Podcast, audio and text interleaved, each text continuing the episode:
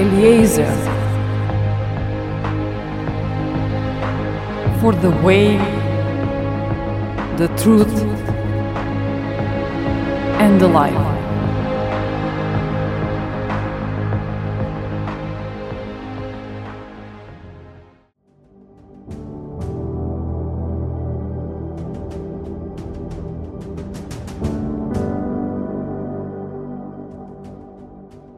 Our words have the power to encourage or discourage others.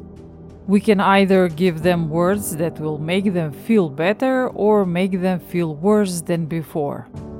It's amazing what a compliment, a praise, can do when you tell someone how beautiful they look, how professionally they handled the task, how pleasant it is to work together with him or her how powerful a few simple words are and how they can change someone's life, brighten their day.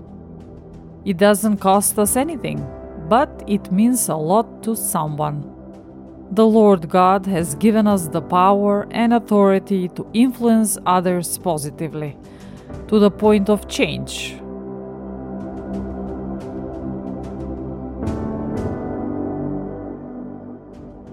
every day we should have a goal to find at least one person and make his or her day better, to motivate, encourage, inspire, support.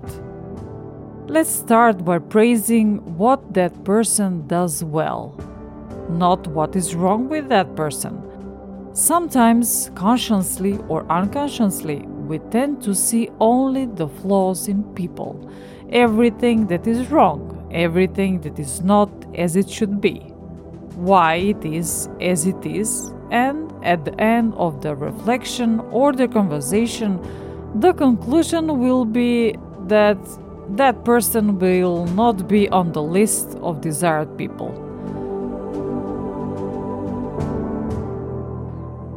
What I want to emphasize in this episode is raising the awareness of how meaningful, essential, and powerful our words are to other people.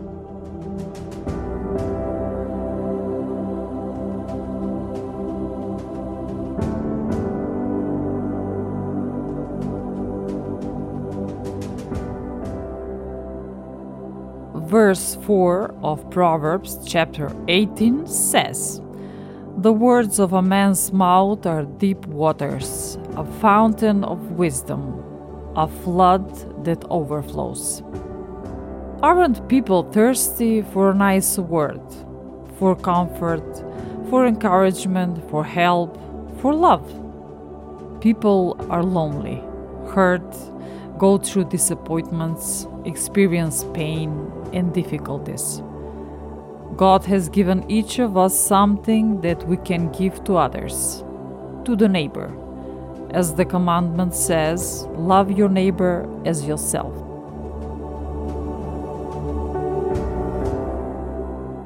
With our words, we can bring health.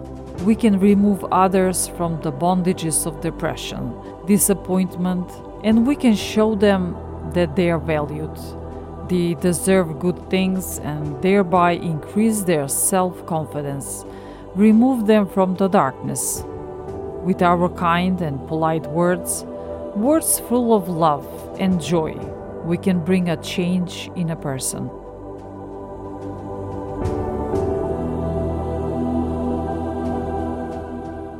Not always our assumptions about a certain person are correct.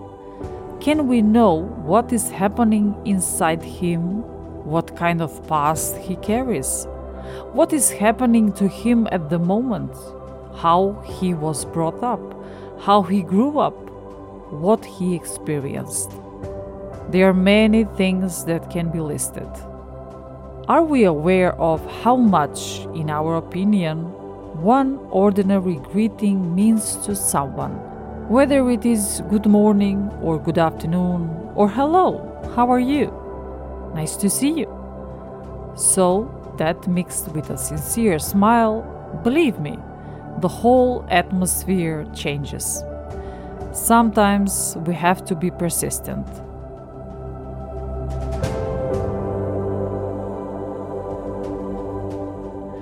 I'm witnessing the change of a certain person whom I see often and with whom I exchange only greeting hello and goodbye. For several months, that person never responded on my greetings or saying, Have a pleasant day. I have to be honest, I was having all kinds of thoughts like, Should I keep greeting her?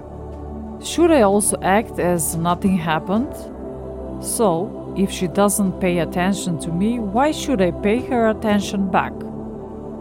But the voice of the Holy Spirit flowed into me and said, Do you know why that person is like that? Do you know what is happening to her? Listen to me. Greet her without exception every time you meet her. So, I did. I saluted her, she didn't. And it lasted for a certain period of time. There was no change, everything was the same. But, believe it or not, the situation began to change. Now, the person who didn't greet me back greets me with a smile.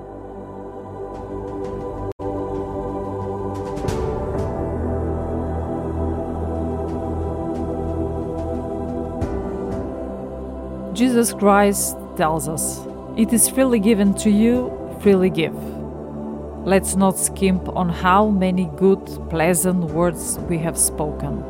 Otherwise, if we calculate for every spoken word, for the time spent with someone, for every smile, we will quickly become worse than those who we have talked about that are rude, impolite, insensitive. What is the advice of Jesus? Love your enemies, pray for them, bless them. Surely there is something useful for us from that. And what else does he tells us? Be the light of the world. A city on top of a mountain cannot be hidden, nor is a lamp lit and put under a cover, but on a candlestick and gives light to everyone in the house. This is how your light should shine before people, so that they may see your good works and glorify your heavenly Father.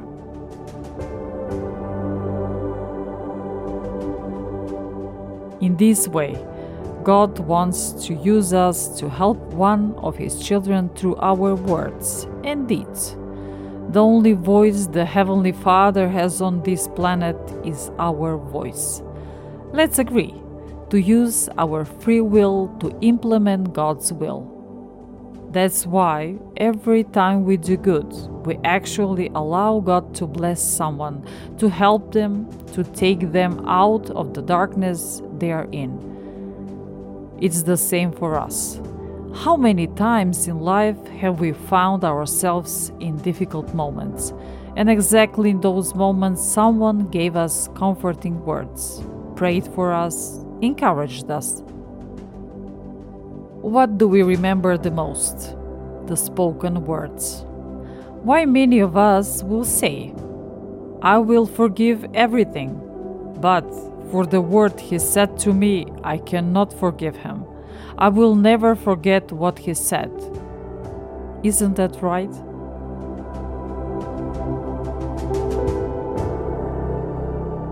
If we agree with this, the following question arises Why should we be the ones whose spoken words would be in someone's unpleasant memories, and we would be an association of someone's hardship?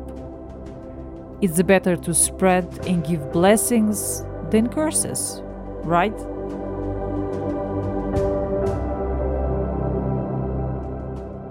For us, an everyday greeting may not be anything special, but imagine what can God do when He adds His supernatural power to that greeting. How Jesus used to tell people, I do not do this on my own, but my Father who is in heaven does it. The same applies to us. Only our agreement is required. Miracles happen every day.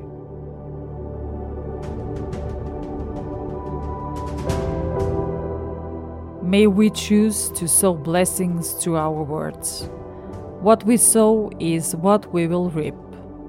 There are more than enough individuals who convey only negativity through judgments, belittling, bullying, pushing, insulting, criticizing, devaluing. Only darkness can come from such behavior. Let's not be accomplices of darkness. The 25th verse of Proverbs, 12th chapter, says, Worry in the heart oppresses a person, but a good word cheers him up. And it is written Don't use fool or abusive language. Let everything you say be good and helpful, so that your words will be an encouragement to those who hear them. Let's be the spark in someone's life. Let's be a blessing to someone through our words. The moment dedicated to someone is like a moment sealed in eternity.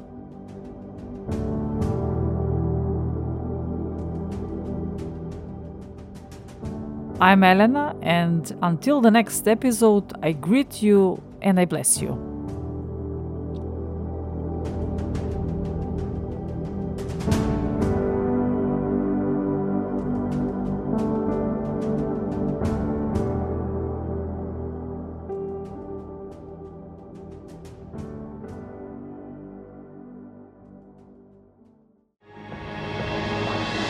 Eliezer